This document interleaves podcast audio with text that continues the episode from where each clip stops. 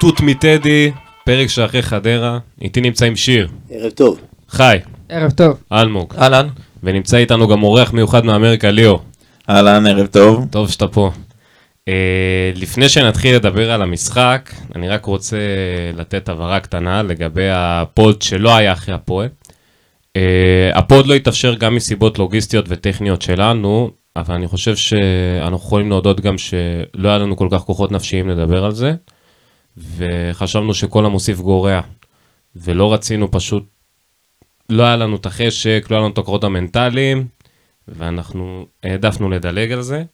ויצא לנו לטובה, כי יש לנו עכשיו משחק טוב לדבר עליו, עם הרבה דברים חיוביים בראשם אה, מספר 8 שלנו.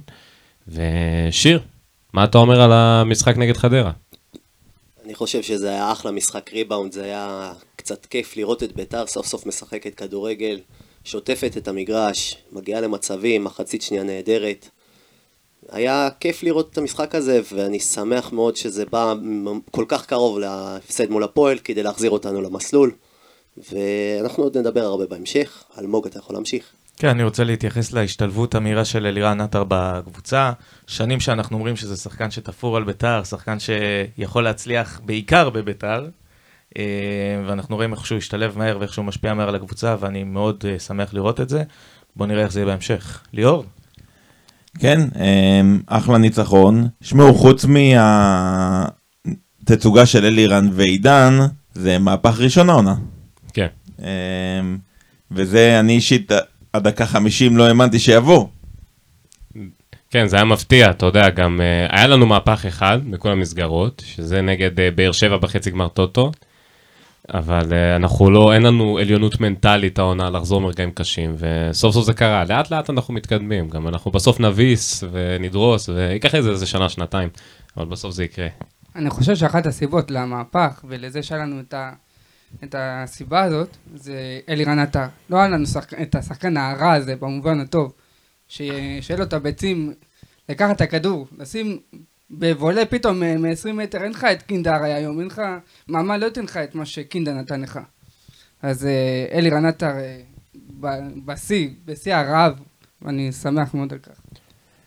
אני חושב שהמשחקים האחרונים, כשאני אומר משחקים האחרונים, אני מדבר מנס ציונה ועד המשחק האחרון, הם הראו על סוג של מגמה, אוקיי? יותר נכון שתי מגמות שונות. מגמה אחת זה שמול קבוצות מסתגרות, לפחות מאז שקינדה הלך, ביתר מאוד מאוד מתקשה, יותר מהעבר. גם את המשחק שניצחנו נגד נס ציונה, התקשינו בו מאוד. נגד uh, בני יהודה, הפועל כפר סבא והפועל תל אביב, מיותר לציין, גם התוצאות הראו את היכולת בהתאם. מצד שני, נגד מכבי חיפה וחדרה ניצחת, ולא רק שניצחת, גם נראית טוב. וזה בפער כאילו של שבוע שאתה אסל ושבוע שאתה באסל, זה משהו לא הגיוני כאילו מבחינת החשיבה. ואני חושב שנצטרך לשים על זה דגש. אמנם אנחנו לקראת הפלייאוף העליון, שבפלייאוף העליון נשמח, סליחה, לא נשמח, אבל אנחנו נראה הרבה יותר הגנות משוחררות, הרבה יותר שטחים לביתר, וזה יהיה לטובתנו, כי קבוצות לא יבואו להסתגר, לפחות שלוש קבוצות שאנחנו מכירים. אבל זה, זה כן מעלה סימני תהייה שכבר צריך לחשוב עליהם לעונה הבאה, בהנחה ורוני לוי יישאר כאן. כן, ליאור. אמ, אגב, גם נגד חדרה, עד הגול של אלירן עטר שבא משום, מכלום, אתה לא נראית טוב. אתה התחלת לשחק כדורגל ברגע שחדרה התחילה לצאת קדימה. אמ, אז זה גם נמש- נמשכה התופעה הזאתי. אמ, יש, אני מניח, יש הרבה סיבות למה היא קורית. אמ, אני מניח שנדבר על זה בהמשך. יש בעיה עם זה, שאנחנו משחקים נגד קבוצות שמחליטות להתגונן ולצופף, אנחנו לא, אנחנו נראים רע, מעבר לזה שאנחנו לא מגיעים לשער, אנחנו פשוט נראים אנמים לחלוטין. עכשיו, אמ, אתה אומר סבבה, זה המצב, וכביכול צריכים להשלים עם זה, אבל זה לא נכון, אנחנו קבוצה עם, מספיק, עם תקציב מספיק גבוה ועם הרבה כלים בשביל אה, להצליח להתמודד גם, בשביל להיות תלויים בעצמנו, לא ייתכן שאנחנו בליגה הישראלית משחקים נגד קבוצה של 12 מיליון, ואנחנו תלויים באיך הסגנון משחק שלה ייראה, אם הם פתאום יסגרו אחורה או יצאו קדימה. וכן, צריכים מישהו, מישהו צריך לתת פה את הדעת על זה לקראת העונה הבאה, אמ, כי זו בעיה מאוד קשה כרגע, ונקווה באמת שבפלייאוף העליון זה ישתפר, למרות שאם אני מאמן קבוצה גדולה בפלייאוף העליון, משחק, סוגר את ביתר, יוצא קדימה, מתישהו אני אעקוץ, כי הם, אנחנו ממש ממש חלשים מול uh, קבוצה מצופפת. שנייה לפני שאתה מדבר, שיר, אני רק רוצה לציין שכאילו, אתה לא יכול לראות את מכבי חיפה, מכבי תל אביב והפועל באר שבע מתגוננות. יכול להיות שבאר שבע כן, בטדי, אבל אה, לא מכבי חיפה ומכבי תל תראה, אביב. באר שבע אין לי ספק שיוסי אבוקסיס ישחק בסגנון משחק הזה. הוא יסגור אחורה והוא יצא... זה יוסי אבוקסיס. אה, לגבי בלבול, זה תלוי באינטרס של הקבוצה שלו באותו רגע. יש, אני בהחלט רואה סיכוי שהם כן יעשו את זה. אה, לא יודע, זה לא באופי שלהם, אבל תראה, נחכה עוד פעם, ונראה. עוד פעם, נגד מכבי חיפה וקבוצות עם תקציב כמו שלנו, אני עוד יכול לקבל את זה. יש לי בעיה שזה מגיע מול רעננה, שאני תלוי, רגע, וואי, הנה, סוף סוף רעננה יוצאים קדימה, או shit, הנה, הם מכניסים אה, חיזוק לאמצע, להגנה, אוי אוי אוי, הם הולכים אחורה, אני יודע שביתר קורסת, וזה בעייתי. אני. אתמול הגול השני הגיע מלחץ של שלושה שחקנים 30 מטר מהשאר שלהם, ו... ואז עשינו את המהלך. השני של ורד. לא, של לא, עטר. עטר, של עטר, 2-1. כן, קפצו שלושה שחקנים על שחקן קישור שלהם, וככה הגיע השער. וכשאתה משחק נגד קבוצה מסגרת, אתה, אתה חייב את ה... לתפוס אותם לא מוכנים. וכשאתה תופס אותם, או עושה עליהם לחץ במגרש שלהם, ואתה מצליח לחטוף להם את הכדור, זה הרגע שאתה תופס אותם לא מוכן. ואתה צריך לעשות את זה הרבה יותר נגד קבוצות שמסתגרות. בנושא הזה חשוב לציין שביתר נבנתה בתחילת העונה עם שלושה שחקנים, שהם השחקנים שבעצם אמורים לקחת אותה על הגב מול קבוצות שמסתגרות. והשחקנים האלה זה מיכאל אוחנה, עידן ורד, וכמובן גדי קינדה. שלושתם לא איתנו, זאת אומרת, ורד חזר רק עכשיו, אוחנה לא ישחק העונה, וקינדה כולנו יודעים עכשיו אה, במחנה אימון בארצות הברית לקראת העונה החדשה שם. ככה ששנה הבאה עם ורד מתחילת העונה ואוחנה, ואני מאמין שיבוא עוד קשר 10, אולי חלומו של ליאור יתגשם וגדי קינדקובסקי יגיע, אה, ו- ונראה קבוצה שיודעת ליזום מול קבוצות כאלה. אז אתה בעצם אומר שהבעיה לא הייתה בתכנון, כי היה לנו את השחקנים שכביכול אמורים לדעת להתמודד עם אה, בונקרים שכאלו, נכון, והם פשוט לא איתנו. כן. אני חושב שאתם מסתכלים לא נכון על איזה שחקן צריך לפרוץ את הבונקרים האלה. כאילו, אם אני מסתכל על שחקן מהעבר, מה זה מהעבר? מהשנים האחרונות, שהכי הייתי רוצה בביתר, נגד קבוצות כאלה, זה לא חנן ממן נגיד לפני שהוא בא או דברים כאלה, אני רוצה את קלאודמיר. אני רוצה שחקן שיש לו יכולת בעיטה מרחוק, אני רוצה שחקן עם נייחים טובים, אני רוצה שחקן שמהקו האחורי יכול לתת כדור של 40-50 מטר, שאתה יודע, שחוסך לך איזה שלושה ארבעה פסים, ששווים 20 שניות, שב-20 שניות האלה הקבוצה היריבה יותר מצופפת, יותר אה, בונה את ההגנה שלה. ברגע שיש לך את השחקן הזה בקישור, שיכול לתת את הפס הארוך ולחסוך לך הרבה זמן, ו-20 שניות זה הרבה זמן בכדורגל, אז יש לך את היכולת לפרוץ את הבונקרים האלה יותר, ואני חושב שיש לנו כאילו לקויות בקבוצה מבחינת ה- בניית הקישור, כי יש לך את איימבינדר שהוא לא כזה, ויש לך את קריאף שהוא לא כזה, ויש לך את אמיר עדי שהוא לא כזה, ויש לך את מוחמד שהוא לא כזה. אני רוצה שחקן כמו דריו פרננדז שם. זה אותו דבר מבחינתי, קלאודמיר ודריו מבחינת הסגנון הזה, אני מסכים איתך, זה אותו דבר. זה שחקנים שיכולים לקבל את הכדור, להסתכל לצד השני של המגרש, מה, מהמזרחי לספסלים, לתת כדור ככה על הסרגל, על הסנטימטר, ווואלה אחי, אתה פותח את ההתקפה, אתה משחק את כל ההתקפה נגד הפועל, אתה שמת לב מה קרה. גרצ'קין, מוסר לממן, מוסר למוחמד, מוסר לקריאף, מוסר לקוסטנטין. אתה מוסר צריך אחורה לשוער. אתה צריך שחקן שיחסוך לך את כל הפסים האלה, זה הכל. ואת זה אין לך עונה, ואתה תהיה חייב להביא אחד כזה בקיץ, וזה יותר חשוב מכל עמדה אחרת, ודיברתי על זה כבר, בנושא הרכש. כן, ניר. אז אני דווקא חושב שמוחמד כן, חוץ מנייחים, מוחמד כן עונה על ההגדרה הזאתי. אה, יש לו מסירות מדהימות. אני דווקא נוטה להאשים את רוני לוי בזה, שהקבוצה לא מספיק מאומנת, לא מספיק יוזמת, אה, אין מספיק יצירתיות בהתקפה, ובגלל זה הקבוצה נראית ממש טוב נגד קבוצות שפותחות, וממש רע נגד קבוצות שסוגרות. וזה לדעתי עניין של אימון של מאמן שמסרס את היצירתיות של שחקנים שלו. זה השם שלי במצב. אה, אני בטוח שיש עוד גורמים אגב. לגבי אה, דעה אולי קצת לא פופולרית, אני חושב שהמשחק נגד חדרה והמשחק נגד הפועל לא היה ביניהם הרבה הבדל. זאת אומרת, אנחנו כן הגענו נגד הפועל להרבה מאוד מצבים טובים מהקווים, להרבה מאוד קרוסים, להרבה מאוד הרמות לרחבה, שאם הרמות היו טובות, כנראה שהיינו כובשים שניים שלושה שערים. אה, זה לא ששיחקנו כל כך גרוע, פשוט הפעולה האחרונה הייתה נוראית. רוב, רוב ההגבהות, אבל לא היה מספיק הצטרפ- הצטרפות. וזו הייתה הבעיה נגד הפועל. אני לא מרגיש שהיינו דומים. אני מרגיש שחוץ מהמצב של אלירן עטר למשקוף אה, כן. מול הפועל, לא זוכר שראיתי משהו מאיתנו, רק הנאה מצד לצד, צד שני, צד שני, תנסה אחורה. להיזכר כמה פעמים גרצ'קין וקונסטנטין הגיעו לקו, גרד, נכון, זה נכון. שכל השחקנים, שהיו שחקנים ברחבה ולא קרה עם זה זה כלום. נכון, אבל הרמות, הכל שם היה אנמי, כבד, מסורבל, לא ראיתי... אוקיי. אבל זה מתחבר למה שאמרתי, שזה קשור ליריבה. כי בסופו של דבר אתה שיחקת גרוע נגד הפועל לא בגלל שאתה היית גרוע, כי הם גרמו לך לשחק גרוע. ואתה לא יכול להיות תלוי ביריבות שלך, בטח שזה לא ברמה כזאת. אתה מבין? כאילו, עם כל הכבוד לזה שאתה לא חייב לשחק על הרמות. אתה יכול כאילו לנסות משהו אחר, מבחינתי שתניע כדור גם 50 דקות, אחי, ברצוף, רק אל תחפש את הרמה בכוח. כן, גם הגולים נגד חדרה לא באו מהרמות הרי בסוף, הם באו מבעיטות מהאמצע. ואגב, הגול של אלירן זה פחות או יותר מצב דומה למשקוף, רק שפה זה הלך לחיבור, ונגד הפועל המשקוף. אז כן, אני כן מבין, מבין מה אתה אומר. אני חושב שפשוט זה תלוי ביריבה, ופה רוני לוי יצטרך לתת את הדעת על זה. אני חושב שזה יהיה לנו טוב לפלייאוף העליון. גם מכבי חיפה של רוני לוי אז, שהיא זכתה בגביע, הריצה שלה הט- הטובה יותר התחילה בפלייאוף העליון. אתה זוכר, היינו בפער עליהם, מקום שלישי, כאילו זה היה מכבי באר שבע, ביתר שדי צמודה אליהן, וחיפה הרבה מאחורינו. עכשיו אנחנו התרסקנו עם כל הסיפור של אצילי וטביב, ומצד שני הם אגרו המון נקודות. אז אני, אני רוצה להיות אופטימי ולסמוך על זה לקראת הפלייאוף.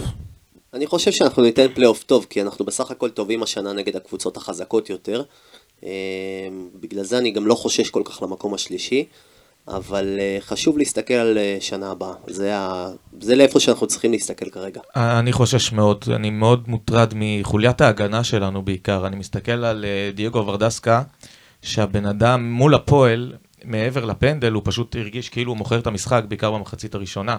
אה, קצת חריף מוכר את המשחק? לא, זה הרגיש זה היה כאילו. ברמה כזאת, זה היה ברמה כזאת. אנחנו היינו. ביציע, ופשוט כל פעולה זה היה נראה שמתי שאפשר לפשל, הוא פישל. כן. אוקיי? ו- תמשיך אלמוג. כן, גם נגד חדרה, אמנם היה לו חילוץ כדור ענק, ענק, לפני הקרן שהובילה לפנדל, היה לו חי- חילוץ כדור מדהים, זה שחקן שאתה אומר, בואנה, יש לו כישרון. אבל הוא עושה טעויות כל כך טיפשיות. עכשיו, אתה אומר לעצמך, וואלה, בלמים, לוקח להם הרבה שנים, כי זה שחקן שהוא יודע שכל טעות שלו מובילה לגול או לפנדל. בגלל זה הם בגיל 28-9, רק אז הם אה, מפתחים את עצמם אה, בצורה... הם מגיעים כאילו לשלמות. אה, ולכן אני פה מבולבל לגביו, כי מצד אחד אתה אומר, שמע, אני לא יכול לסמוך עליו בפלייאוף, מצד שני אתה אומר, שמע, זה שחקן שיכול להמשיך איתנו קדימה, כי הוא בסך הכל בן 23, והיה לו כמה יציאות לא רעות בכלל. שמע, קודם כל זה לא מפתיע, כי כשהוא בא, אני זוכר שאמרו שלצד משחקים ענקים, היו לו הרבה יפה של... ב... איפה הוא משחק? בסרגוסה, נכון. דבר שני, הוא בלם צעיר בעונת התאק- התאקלמות בישראל, ככה שזה די מובן. אני אישית רוצה להגיד ש... נראה לי שקצת מגזימים איתו. הוא אכן היה גרוע מאוד, אתמול, או גם נגד הפועל. אתמול הוא לא היה גרוע מאוד, דרך אגב. אני גם עוד חושב. מעט אני גם אגיע לסטטיסטיקה שרלוונטית, פח, אבל... את, אתמול פחות, אני מתכוון לפנדל ולשריקות בוס שגם הוא קיבל. אבל אני חושב שזה לגיטימי כי הוא שחקן אה, צעיר, והוא גם בלם, שנת התאקלמות. אז כאילו, שחי, שחי אומר גרוע, הוא מתכוון לזה שבלם לא יכול לעשות דבר כזה. ולא מתכוון מבחינת אה, יכולת, אני מניח, נכון? כן. וזה משהו שנצטרך, זה שכר לימוד קלאסי לדעתי במקרה של בלם. אני יכול לציין משהו, הוא הזכיר פה את השריקות בוז. עכשיו, אני ביציעים מ-2002, אוקיי? אני לא זוכר את הקהל של ביתר ככה. אני זוכר את הקהל של ביתר עצבני, זוכר אותו אלים, תמיד היה, אבל לשרוק בוז לכל שחקן שעושה טעות, זו תופעה שהתחלנו לפתח בשנים האחרונות, וזו תופעה מגונה. תופעה חיפאית, זה בא מחיפה. מה זה? תגיד לי מה זה? סבבה, שחקן טעה, ותשמע, זו. טעות, אתם ראיתם את התגובה שלי אתמול, רשמתי לכם בוואטסאפ, וואלה, התחרפנתי. התחרפנתי. זה כאילו, זה טעות ברמה מאוד קריטית. אבל די עם הבוז, סבבה, אתם לא רוצים לעודד את השחקן, אל תעודדו, אף אחד לא מחייב אתכם, גם יש שחקנים שאני לא מעודד. אבל וואלה, די, למה שריקות? מה זה תורם לנו גם? שחקן שאומר שריקות בוז, מה הוא אמור לעשות עכשיו? לתת ספרינטים? לקבל יותר מוטיבציה? הוא יהיה יותר נינוח עם הכדור? הקהל שלנו צריך לפעמים לחשוב קצת על טובת הקבוצה, בסדר, אז השחקן הזה טעה, ואתם לא רוצים לעודד אותו ואתם כועסים עליו, זה בסדר, זה מקובל, זה לגיטימי, אבל צריך לחשוב איך הופכים את התוצאה, לא איך מוציאים את הכעס שלנו עכשיו על השחקן. זה הנקודה, זה הנקודה שלי לגבי זה, ואני רוצה לציין עוד משהו לגבי חוליית ההגנה, לפני שממשיכים. אני יודע שקל להיכנס בוורדסקה אחרי הפנדלים, אני חושב שהשותף שלו להגנה לא יותר טוב ממנו בשני המשחקים האחרונים, עושה המון שטויות, אה, קנוטה, עושה המון שטויות, וממנו אתה מצפה להיות הרבה יותר, אה, יותר טוב, גם כי הוא יותר מבוגר, גם יש לו הרבה יותר ניסיון, וזה נדמה כאילו זה אותו שחקן שהגיע בינואר אה, 2017, שאתה יודע שיש לו את ההברקות, אבל הוא חסר אחריות. נדמה כאילו זה שחקן הרבה פחות טוב. יכול להיות כי אתה... אני עדיין חושב שהוא מגן ימני. הוא לא בלם. הוא צריך לשחק מגן ימני, ואם יש את האופציה, כאילו עכשיו, אתה יודע, חשבנו שוורדסקה עם אה, קונטה וקוסטנטין וגרצ'קין יהיה הכי טוב. לא. לא. קוסטנטין נוראי. נוראי. כאילו לא... אה, זה... זה... לא משתפר הוא הכי יציב בקבוצה. ולצערי זה יציב. ביכולת גרועה. אני חושב שכדאי לחזור לשילוב של בן חיים ורדסקה עם אה, קונטה ומקסים. שמקסים באמת, כאילו נגד הפועל הוא לא היה טוב, אבל קשה לי להגיד עליו מילים רעות, אני מאוד נהנה ממנו, מאוד אוהב אותו. טוב, בואו נתקדם למצטיינים מאכזבים של המשחק הזה. לקורונה גולדסטאר? לקורונה גולדסטאר. אה, אז כן. אה, מי הגולדסטאר שלך, אור? הגולדסטאר שלי זה אלירן. אלירן שאני לא משתחצן פה, כן? אני פשוט חושב, ידעתי שזה מה שיהיה. אחי, שחקן איכותי, שרעב לשחק כדורגל, שמגיע לקבוצה עם קהל שדוחף, אנחנו היינו במשחק הראשון שלו, הרי ראינו איך כל הקהל מקבל אותו כאילו סמל שחזר הביתה. לפעמים זה נראה מוגזם, אבל זה דווקא דברים שכן חיוביים בקהל של בית"ר, כי האהבה הזו שאנחנו מרעיפים ואחרים לא, זה מה שגורם לשחקנים לאהוב את המועדון, ואם נתמקד אגב בצדדים האלה, זה בכלל ייתן כוח לקהל שלנו. אני מאוד נהנה לראות את אלירן, הוא מנסה לקחת את הקבוצה על הגב. אני גם מאוד אהבתי אגב את התגובות שלו לשופט נגד הפועל. וואלה כן, אנחנו צריכים כמה ערסים כאלה שיצאו על השופט, ש... שיתחילו לחשבן לנו, שורקים נגדנו פנדלים בטדי על כלום, אחי, מישהו דופק אפצ'י לא במקום, פף, קורונה פנדל, אחי. לא, וואלה, אנחנו צריכים ליצור הרתעה, והגיע הזמן שיהיו לנו שחקנים גברים בקבוצה, ואני מאוד נהנה לראות אותו, ואני שמח שהוא ישתלב ככה. ו... מי הקורונה? הקורונה זה שלומי אזולאי. כאילו שלומי אזולאי אני חושב שבגול השני, חושב שבגול השני הוא עשה מהלך יפה, שמשך שחקנים ונתן בנגיעה לעטר, הוא שחקן כן אינטליגנט, הוא כן שחקן עם מוח כדורגל טוב, וסך הכל הוא שחקן שיש לו את הנגיעות בכדור, אבל בחייאת דינק, חלוץ צריך להיות רע. חלוץ חייב להיות רע, תחפש את השער, תאיים על השער, תתחיל גם להציק לבלמים, איך אהבתי את שכטר שהוא נותן קטנות לבלמים כאלה והם היו חוששים ממנו. משהו מזה תביא. אני לא חושב שהוא לא צריך להיות בהרכב, אמרתי לכם את זה גם נגד הפועל, וזה לא משהו שאני לא כמו כולם, אתה יודע, אנטי שלומי אזולאי אני פשוט חושב שיש שחקנים שיותר ראויים, גם שלום אדרי יותר ראוי, עכשיו גם ורד נכנס לרשימה של יותר ראויים, אה, גרסיה חוזר בקרוב, אני חושב שנצטרך להגיע למצב שעטר הוא בחוד, ואחד מבין שחק... ושניים מבין שחקני אגפים היחסית רבים שיש לנו, ישלימו את חולת ההתקפה. כן, שאלה. אם יש סיכוי כזה בכלל, כי כמו שאנחנו יודעים, רוני לוי ו... ושלומי אזולאי זה סיפור אהבה שלא נראה שהולך להסתיים בקרוב. טוב, אז אני אלך אה, בגולדסטאר שלי, אני דווקא אפתיע אתכם לדעתי, אני אלך על תמיר עדי. אה, תמיר עדי נתן משחק גדול, נתן משחק באמת גדול. 40 מ-45 במסירות, 11 חילוצי כדור, עיבוד כדור אחד בלבד, 2 מ-3 בכדרורים, באמת משחק, סטטיסטיקה יפה. סטטיסטיקה נהדרת. הסטטיסטיקה הכי יפה אחורי. שלו, זה שאתה הפסדת רק למכבי תל אביב ומכבי חיפה שהוא היה בהרכב. נכון, והוא היה מצוין, אמנם הפעם לא כל כך ראינו אותו. אה, בהתקפה כל כך, כמו שראינו במשחקים הקודמים, אבל הוא עשה עבודה נהדרת בקישור, והוא באמת אה, סגר את כל קווי המסירה של חדרה. אני רק רוצה לתת פה קצת את הסיפור שלו, כי אני מכיר אותו, כמו שאתם יודעים, אני מכיר אותו לפני הרבה זמן. עוד מ-2017 אני אמרתי להביא אותו לביתר, שהיה בהפועל רמת גן בקישור עם דולף חזיזה. מדובר בבחור, אתה מדבר על איכויות התקפיות, הוא גדל כבלם. עד גיל 18 הוא שיחק כבלם במכבי באר שבע, התנדנד במכבי להפועל באר שבע. אה, הוא סומן, הוא היה מבטיח, עלה לבוגרים גם כבלם, לא כל כך בלט. העבירו אותו בהפועל רמת גן לקישור האחורי.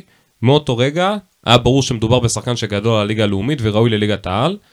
אני שמח שאנחנו אלה שהבאנו אותו, אני מקווה שהוא יקבל יותר צ'אנסים, אני גם מקווה מן הסתם שהוא יישאר פה אחרי העונה הזאת, כי הוא הוכיח שהוא ראוי, ואם לא, אז לפחות הוא ימצא קבוצה בליגת העל.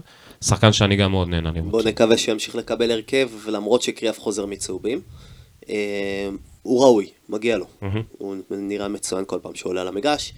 והקורונה שלי, לצערי, דייגו ורדסקה, אמנם כן נתן משחק אה, יציב יחסית אחרי הפנדל, אבל הפנדל שהוא עשה זה פשוט חוסר אחריות משווע. זה לא יאומן, באמת, טעות של ילד ב- ב- ב- בנערים, של ילד בן 14 לא עושים דבר כזה. אני באמת לא, לא מצליח להבין מה הוא חשב לעצמו באותו רגע בכלל. איך הוא חשב לעשות דבר כזה, זה פשוט בושה וחרפה. אי אפשר, החוסר, אי אפשר את החוסר אחריות הזאת מה, מה, מהזרים שלנו, שאמורים להיות השחקנים המובילים. אלה שיקחו אותנו קדימה, חייבים זרים שמשפיעים לטובה על הקבוצה ויציבים. כי זה השלד של כל קבוצה בליגה. אני חושב שכדאי שנשפוט אותו על הקטע הזה בשנה הבאה, אבל אני, אני מסכים עם כל מה שאמרת. תשמע, גם אם אתה בקריזה, שאתה תופס שחקן, אין לי בעיה שתעשה את זה במרכז המגרש, אוקיי? למרות שבעידן עבר זה גם יכול להיות חמור, כי אתה יודע, יכולים לפסול לך גול על זה.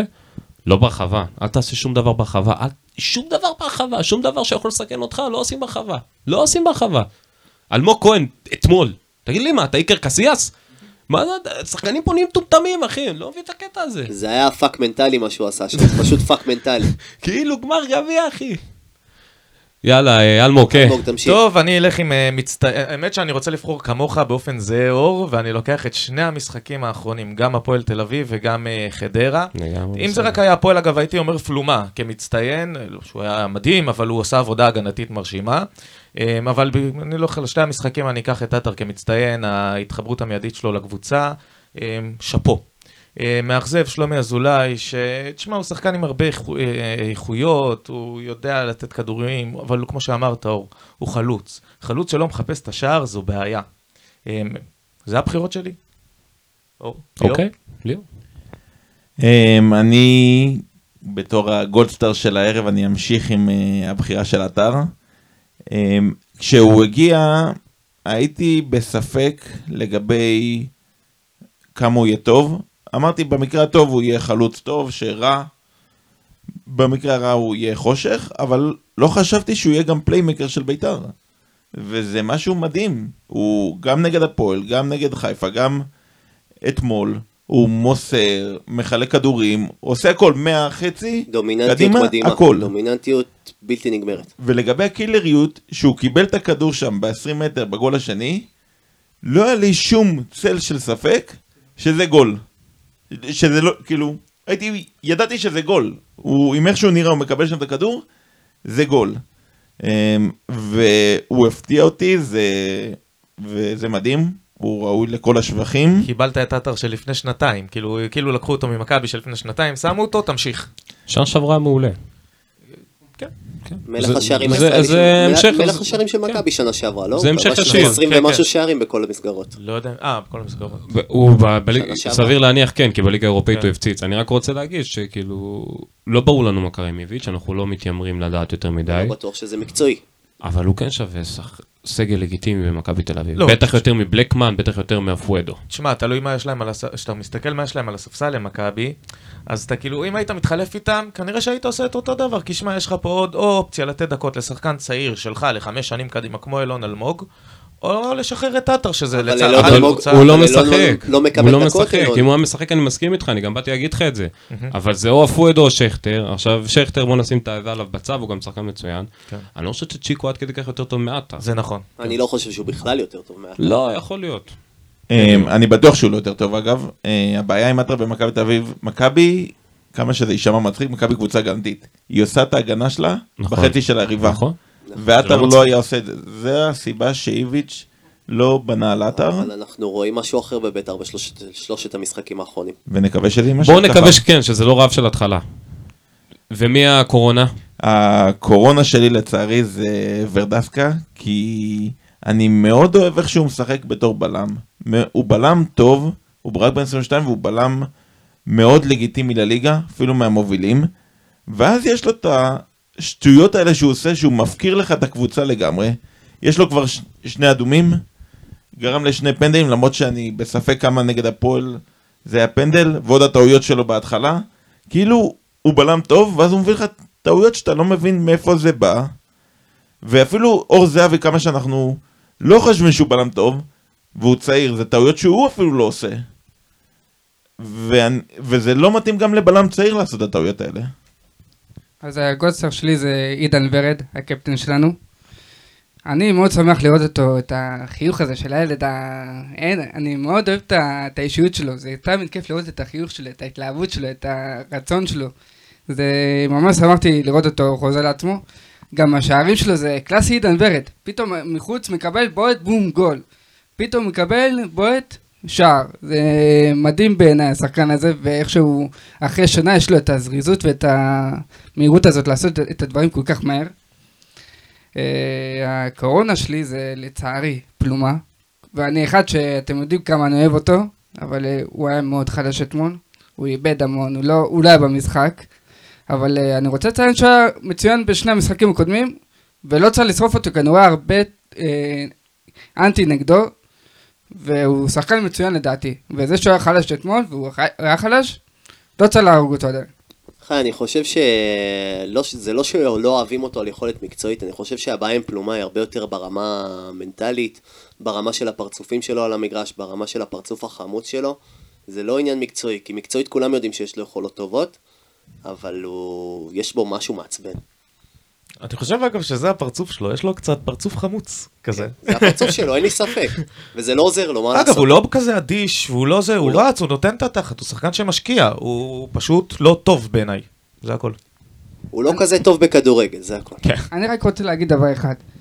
פלומה יש עליו אה, מיתוס שהוא לא מחויב. כמו שאמרת גם, יש לו את הפרצופים וזה. עכשיו זה הדבר, זה לדעתי השקע הכי גדול.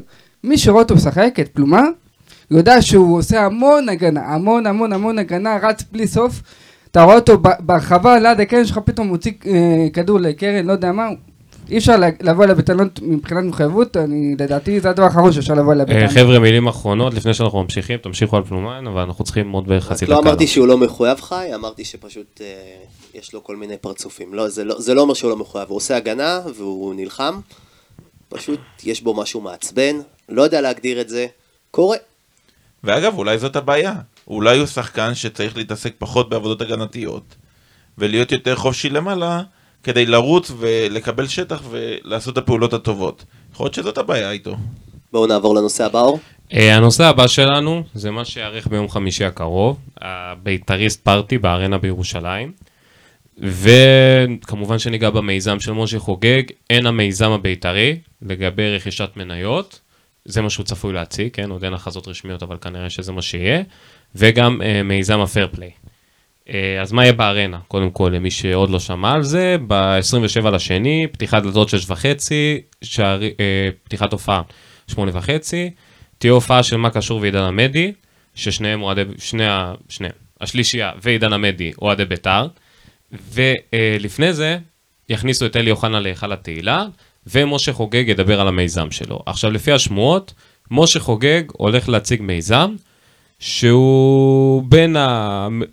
גרמניה, כמו מה שהולך בגרמניה, עם ה-50% פלוס אחד, שהאוהדים שולטים במועדון, והסוסיוס שבספרד, שגם אז אתה רוכש כאילו חלק מהמועדון, יש לך זכות להצביע על הנשיא, על האג'נדה ודברים כאלה.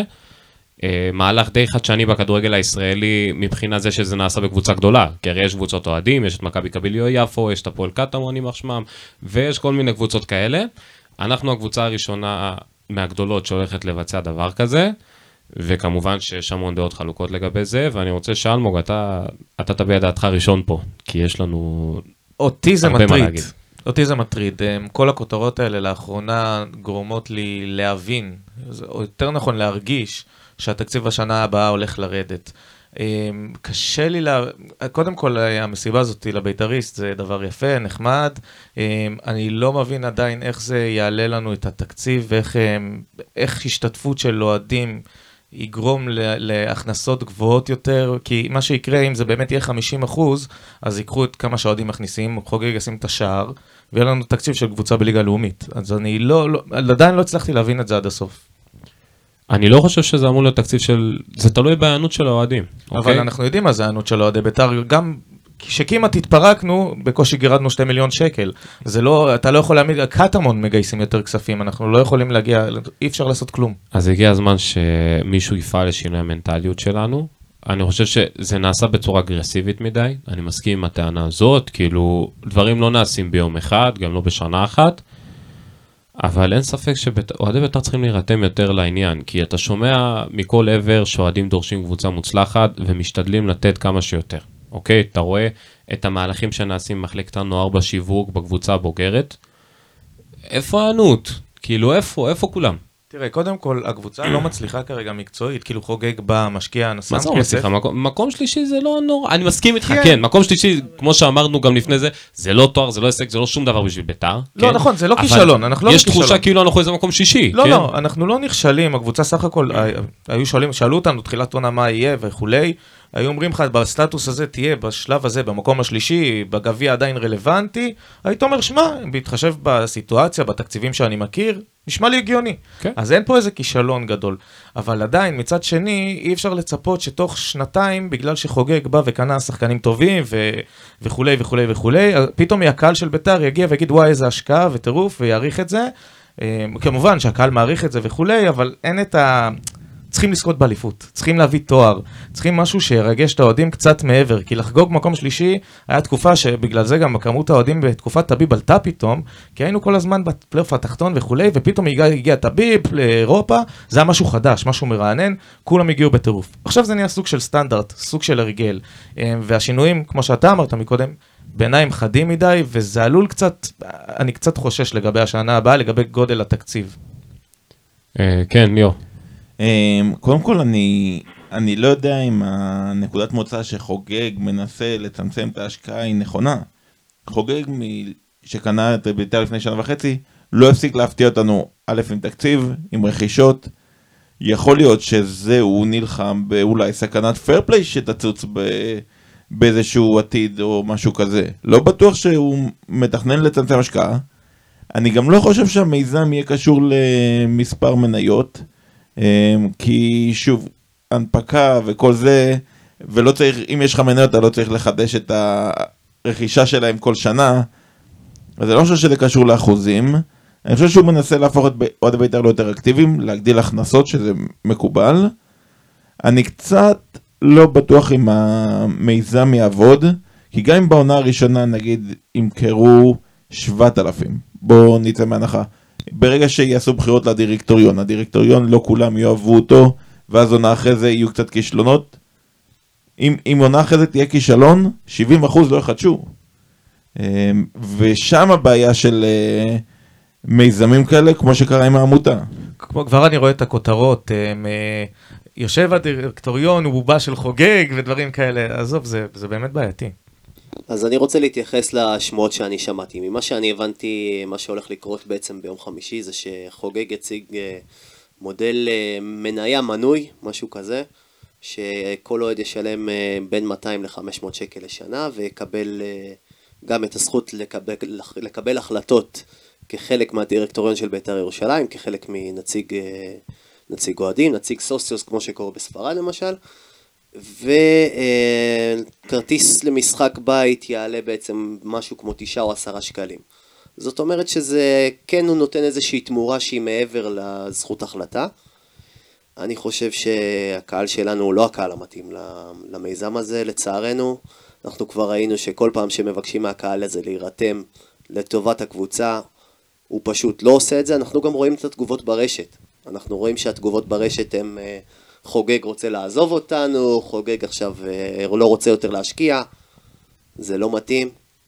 הבן אדם נתן פה, שנת, בשנתיים האחרונות שם פה בערך 100 מיליון שקל מהכיס של הילדים שלו. זה לא משהו שהוא מובן מאליו, ובסך הכל אנחנו רק צריכים להודות לו, וצריכים לשתף איתו פעולה ולעזור לו. אני רק רוצה לציין לגבי הרשת, איך אומרים uh, במזרחי? יש אוהדי פייסבוק, אוקיי? ואני מסכים עם זה. יש הרבה אוהדים בפייסבוק שאוהבים להגיד ככה וככה וככה וככה, ולאנשים שבתור אחד שנמצא בטדי הרבה, פרצופים שאתה לא מכיר, וגם אתה רואה שהם לא בדיוק האנשים ש... הם לא האנשים שאליהם מכוון המיזם הזה, אוקיי? אז אני לא לוקח את התגובות ברשת כאיזושהי אינדיקציה לגבי המגמה של הגוש הנאמן, של הגרעין הנאמן, אוקיי? זו, זה רק מה שרציתי להוסיף. כן, חי. אני רק אה, רוצה לשתף אתכם בהרכשה שלי ושתרגיעו אותי. אתם אה, מכירים את חוגג, מההיכרות שלנו הוא בן אדם מאוד אמוציונלי, הוא רוצה את הכל כאן ועכשיו. ועכשיו אני אישית חושש שאם, גם ככה אתם רואים שמבחינת מנויים, מבחינת הכנסות, הקהל, מבחינת בית"ריסט, הקהל לא, די, די מפנה לו את הגב. עכשיו אני פוחד שאם הוא יראה שגם זה, כל מהלך שהוא עושה, בסוף מפנים לו את הגב, הוא, הוא יתייאש ו- ויקח את זה בקטע רע. אז אני אישית מאוד חושש, ותרגיעו אותי. רוצה להתייחס רגע למשהו אחר, לא לחוגג. אנחנו, כמועדון, חווינו רגעים על סף מוות, נקרא לזה ככה, בכמויות שמועדונים אחרים כמעט לא חוו. להוציא את הפועל תל אביב, מכבי נתניה. שהיינו אחרי גד זאבי, כמעט התרסקנו. פתחנו את העונה מקום, ב... לא מקום, סליחה, מחזור רביעי, לא יודע אם אתם זוכרים, עם אה, ויקטור פאצ'ה שם בקריית אליעזר. אחר כך היה את כל העניינים עם ארכדי, קורן פיין, העמותה כמו שציינתם. יש לנו סכנת קיום לביתר. כאילו זה לא, לא פעם ולא פעמיים היינו על החרב. ווואלה, הגיע הזמן שאנחנו בתור קהל נבנה בסיס שככה הקבוצה תעמוד. כי הרי מה היו, של... הבע... מה היו הבעיות שלנו בשנים האלו? שהיינו קונים מנויים בכמויות מאוד נמוכות. היית שומע ביתר 1,000-2,000 מנויים. עכשיו, מה זה 1,000-2,000 מנויים, אחי? גם אם כל מנוי זה 1,500 שקל, כמה הרגעת? 3-4 מיליון שקל בשנה הכנסה מנויים? זה כלום. חוגג יכול לבנות כאן בסיס של מנויים, נקרא לזה מניות, אני קורא לזה מנויים, מניות, של 7,000-8,000 איש, כמו שאמרת, שזה יכול להיות חבל הצלה שלנו לשנים הבאות. כי עכשיו אנחנו מרגישים טוב, אנחנו מרגישים שיש מי שבא ומטפל במחלקת הנוער, ויש מי שבא ומחזיק את המועדון. אבל לא היינו ככה, כאילו, זה הבעלים הכי סבבה שהיה לנו מזה שנים. אנחנו צריכים, בתור קהל, אני לא יודע מי מקשיב, לא יודע מי לוקח את זה כל כך, אה, אתה יודע, ברצינות, אבל באמת, אני מבקש שיחשבו על זה. עזבו את חוגג בצד, עזבו את ההכנסות שלו. תחשבו עלינו בתור מועדון, על הרגעים שאנחנו חווינו, שאני הייתי קם בבוקר, הולך לאינטרנט, אומר, וואל, מה מצאנו רוכש, מה מצאנו רוכש, אדלר ולוין קיבלתי, קריוס ובקטוס, אתה מבין? זה המקסימום שהיה לי עד שאלי טביב הגיע. על זה אנחנו צריכים לחשוב. פחות על uh, חוגג. המועדון יותר חשוב מחוגג.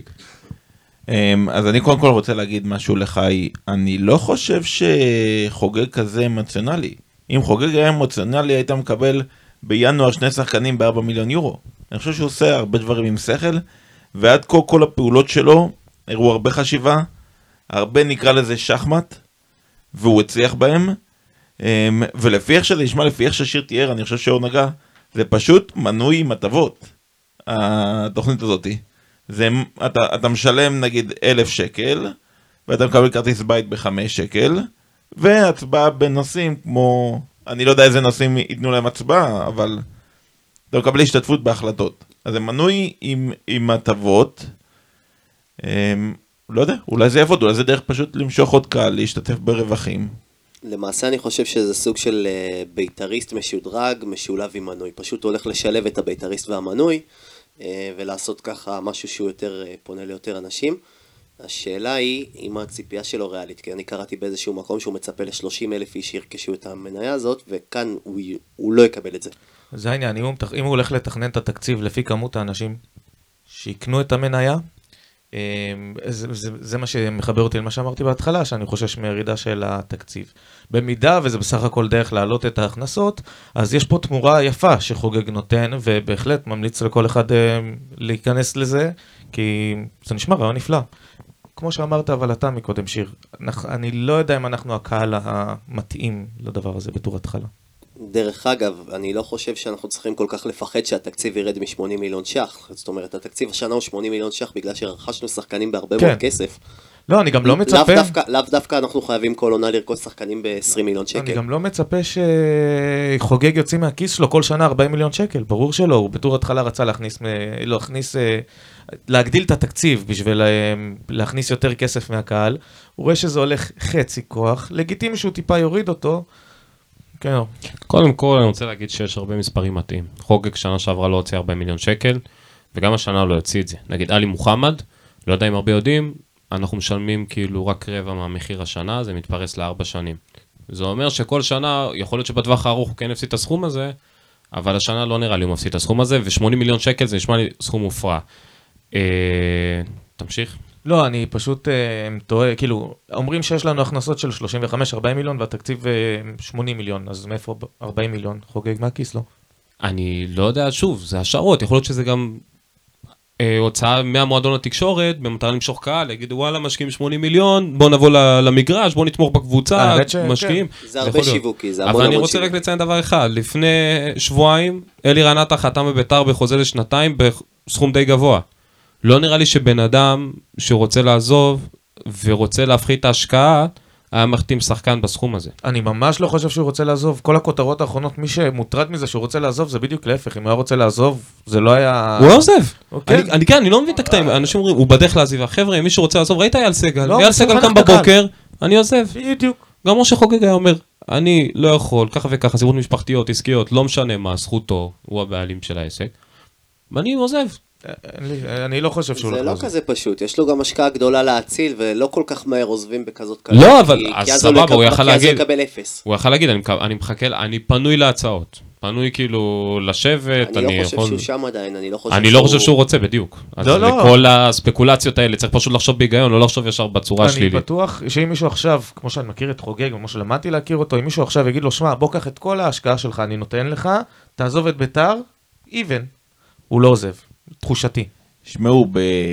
מאז שחוגג רכש את ביתר, התקשורת מפספסת ב-80% מהמקרים. נכון. כאילו, אנחנו לוקחים את הדברים שהם אומרים על חוגג, כעובדות, הם לא באמת יודעים, הם מנסים לייצר כותרות, מנסים לייצר סערה, אבל, אבל הוא לא באמת שם.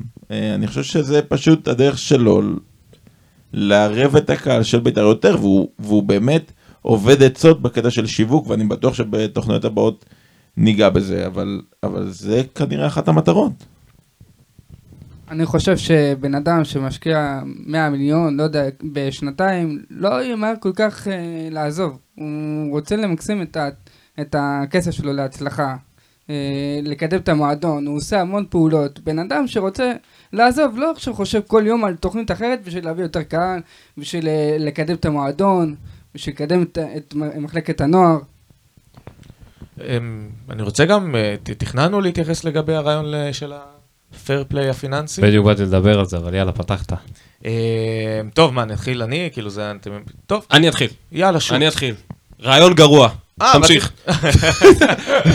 אחי, רעיון גרוע, אני אומר את תראה. הרעיון הזה מרחיק, אה, ירחיק, בוא נגיד ככה, אם באמת הקבוצות בליגה הישראלית אה, ייכנסו לזה, זה ירחיק את הכדורגל הישראלי מאוד מאוד מאירופה, מכל ליגה שאין בה הגבלה שכזו. וזה כל הליגות בערך, כאילו אלא אם כן אנחנו מתחרים עכשיו אה, מול קבוצות NBA, אין שום מקום שיש בו פייר פליי בצורה כזאת באף ליגה. זה הוביל למצב שליגות שהן היום ברמה נמוכה מאיתנו, או אפילו שזה היה לנו, כי אני לא יודע, יש חלק אומרים ליגה קפריסאית, הפועל ניגוסיה, אבל אני אקח את הליגה הקפריסאית כדוגמה. אה, פתאום משחקנים יעדיפו ללכת לשם, כי שם פתאום יהיה- תקציבים הרבה יותר גדולים, כי אתה תהיה מוגבל, אתה לא תוכל לשלם יותר מ-X כסף, ובליגה הקפריסאית יוכלו להציע לזרים האלו סכומים הרבה יותר גדולים. אה, זה יגרום גם לנדידה של הרבה שחקנים ישראלים בינוניים פלוס, מחוץ לליגת העל, לכל מיני חוזים בליגה האזרבייג'נית למשל, בשביל להרוויח עוד כמה שקלים, אגב, בצדק מבחינתם. אה, אני לא אהבתי את הרעיון הזה, אני לא ממש מצליח להבין איך הם מתכננים לעשות את זה. אה, יש שם עוד סעיפים אגב, ב... יש דברים טובים. בדיוק, בדיוק, יש שם עוד. סעיפים שהם, שהם טובים, אבל זה משהו שתפס לי את העין בגדול, זה משהו שהכי תופס את העין בכל הסיפור הזה, וזה עוד משהו שמטריד אותי. באתי מוטרד היום, אה? אז אגב, אמ, אני גם כמוכם חושב שזה רעיון גרוע. אמ, המטרה היא לשפר את הליגה, וזה רק ייקח אותה אחורה, כי כמו שאלמוג אמר, קינדה אחרי חצי עונה קיבל חצי מיליון בארצות הברית, והחליש את הליגה בפועל, החליש את בית"ר, החליש את הרמה של הליגה. זה יקרה בכל קבוצה בארץ. הפתרון לשכר של הישראלים הוא לא בלצמצם תקציב, אלא להעלות את מכסת הזרים. בדיוק. כן, אנחנו מדברים על זה כבר הרבה זמן. היצע וביקוש. רק ל- להבין את הפואנטה שלנו, נגיד שקבוצה רוצה להעמיד סגל לאליפות. היא צריכה סגל של לפחות 22 שחקנים ברמה טובה פלוס, אוקיי? עכשיו, עם הגבלת הזרים הנוכחית, זה אומר שמותר עד שישה זרים בסגל, וחמישה זרים בהרכב. מתוך סגל של 22 זה אומר שאתה צריך לפחות 16 שחקנים ישראלים ברמה טובה. לצערי, אין הרבה כאלה היום. לצערי, גם מי שיש, הרבה פעמים מעדיף ללכת לחו"ל. זה מביא לכך שכל שחקן שנותן שני משחקים טובים יכול לדרוס שכר גבוה, בטח ובטח שהוא חוזר מחו"ל. ראה מקרה עומר אצילי, שאנחנו אוהבים אותו, אבל זה לא הגיוני ששחקן שישב על הספסל של גרנדה במשך שנה, מקבל חוזה בסכומים מטורפים, וזה לא הוגן שדור מיכה, שוואלה, אני לא מחזיק ממנו כמו אחרים, אני חושב שהוא אבירם ברוכיאן של העשור הנוכחי, ואני אוהב את אבירם יותר, ואני חושב שאבירם היה יותר מוכשר מדור מיכה, אוקיי, זו דעתי ליאור. לא הגיוני שהוא מקבל חוזה של חצי מיליון יורו לעונה, ואני יכול לתת גם את איתן טיבי, ואני יכול לתת עוד הרבה שחקנים כאלה, אבל זו הפואנטה שלנו. אני יכול לציין רק דבר אחד טוב במה שחוגג אה, מציע. זה קודם כל כן, מעורבות של אוהדים זה טוב, האוהדים בארץ עושים, עושים טוב לכדורגל הישראלי, אני תמיד אטען את זה, למרות שיש כמובן את כל העניינים האלה של הבית דין, שעם זה יש לי הרבה פה על הבית דין יותר מאשר על האוהדים בארץ. האוהדים בארץ הם הסיבה שהכדורגל פה בכלל חי, מכבי חיפה, בית"ר ירושלים, הפועל תל אביב, מכבי תל אביב מביאות כמויות אוהדים הרבה מעבר למה שהכדורגל פה ראוי, ואני אשמח אם האוהדים יהיו יותר מעורבים. ועוד דבר אחד, זה ה live bet, שדיברנו על זה. הווינר צריך לשנות את המתכונת שלו, הווינר הוא זה שמביא לקבוצות חלק ניכר מהתקציב, כל זה לא ישתנה, עדיף שהוא יכניס כמה שיותר כסף. אנשים אוהבים להמר ב live על משחקים, לא לפני, זה הולך הרבה כסף למקורות אחרים מאשר לווינר, והגיע הזמן שזה ילך לווינר ואז הקבוצות ירוויחו מזה. זה הדברים החיוביים שהוא עשה לדעתי. קודם ההימורים החיים לדעתי זה היה צריך להגיע הרבה הרבה קודם. זה משהו שהרבה מהמרים אוהבים ומחפשים, וזה שזה לא הגיע עדיין לארץ זה תקלה לדעתי. דבר שני, קראתי שרוצים לה, אה, שתהיה הגבלה, מי שיש להם אה, פחות מאלף מנויים, שלא תהיה, לא יהיו בליגה. שזה גם החלטה טובה, כי ליגה בלי אוהדים זאת לא ליגה. אבל זה יהיה ליגה של שש- שישה קבוצות, שש קבוצות. יש, יש, יש קבוצות שיכולות למלא, אבל uh, באותה מידה גם הם רוצים 15 מיליון uh, מינימום, שזה יהיה קשה, זה יתחיל... אתה יודע שזה אומר שאנחנו לפני שני קיצים יורדים ליגה, במחאה עם טביב. אנחנו לא הגענו לאלף מנויים עד ה-15 לאוגוסט. אגב, צריך, צריך, חייב להוריד את כמות הקבוצות בליגת העל, לדעתי, מסכים. בין 10 ל-12. זה הכרח לצד הגדלת מספר הזרים, זה ייקח את השחקנים הישראלים הטובים ויעלה אותם ברמה. אמ, זה יפגע בבינוניים, יתפספסו שחקנים, אין ספק, אבל מי שמוכשר, מי שטוב, ישודרג אה, בצורה קיצונית. לדעתי חייב להעלות את מכסת הזרים. למשל קינדה, הסיבה היחידה שאני התעקשתי, התעקשתי, אתם יודעים כמה שלא רציתי שימכרו אותו, במיוחד בינואר, כי אין ישראלים שאתה יכול להביא במקומו, אין, ואתה אתה גם ככה מלא מבחינת זרים. זה לא שעכשיו הולך לך זר ואתה יכול למצוא זר אחר. אתה תקוע ואין לך, ההיצע של השוק הישראלי מאוד uh, צר. וזה בעיה, כל שחקן שהוא קצת אה, נותן עונה טובה, פתאום הוא עושה לך קונה גוארו, חצי מיליון דולר. כאילו, די, צריך אה, להעלות את עם המכסה. הקון הגוורו הזה החמיץ פנדל, אתה לא מתבייש לדבר עליו? יאללה, נו, החתים, פעם. אני רוצה לציין אגב שביחד עם העלאת מכסת הזרים גם צריך לעשות פה רפורמה בנוער. זה הרבה יותר חשוב מכל דבר אחר. אנחנו כן רוצים שיהיו שחקנים ישראלים מוצלחים, כן? אין ספק. זה שלא יהיה משהו אחר. אני רק רוצה לתת איזה משחקון קטן, רגע. תן לי את הליגה האולטימטיבית. עשר קבוצות, תן לי את העשר קבוצות. את עשר קבוצות שלי. כן. אמ, טוב, החמש הגדולות, חמש. אמ, כאילו, הכנסתי את כן, באר שבע כן, לשם. כן, מי עוד יש לנו מעניינות? יש את נתניה, נכון. יש את אמ, הפועל פתח תקווה לדעתי. הפועל פתח תקווה, כן. אפילו כפר סבא, אני יודע, יש- תהיה הפועל מהקבוצה של... קטמון לא נכנסת אצלך?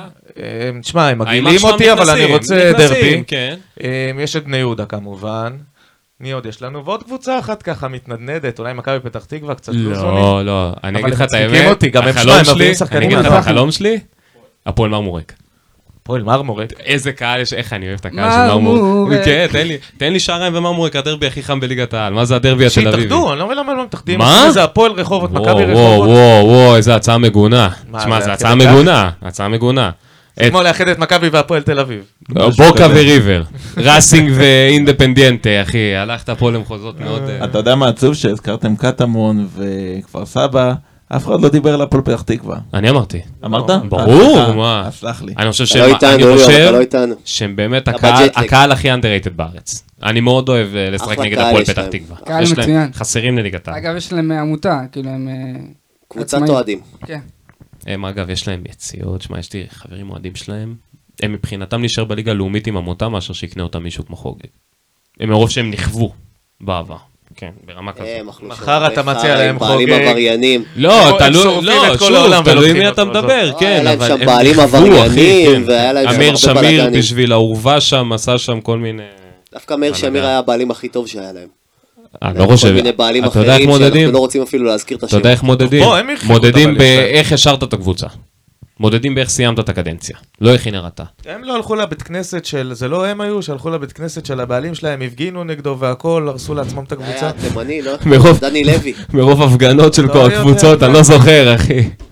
ירושלים, ירושלים. מכר את קחילה ב-100 אלף דולר. איזה סרטון גדול. כמה זרים היית שם בליגת העל? שמונה. בול. וכולם על ההרכב, כן? בלי השטויות כן, האלה. כן, אחד לא, לא. תחרות. אני אגיד לך. גם מה, זה יעשה טוב לכדורגלן הישראלי. הגיע הזמן שיפסיק לפחד מתחרות. מי שיהיה טוב ישחק. אם מאמן יעדיף לתת לזרים בגלל שהם זרים, זה גם בעיה. אגב, נראה לי היה שם איזה סעיף בהצעה של חוגג, שצריך לשתף שחקן מתחת לגיל מסוים. בעד.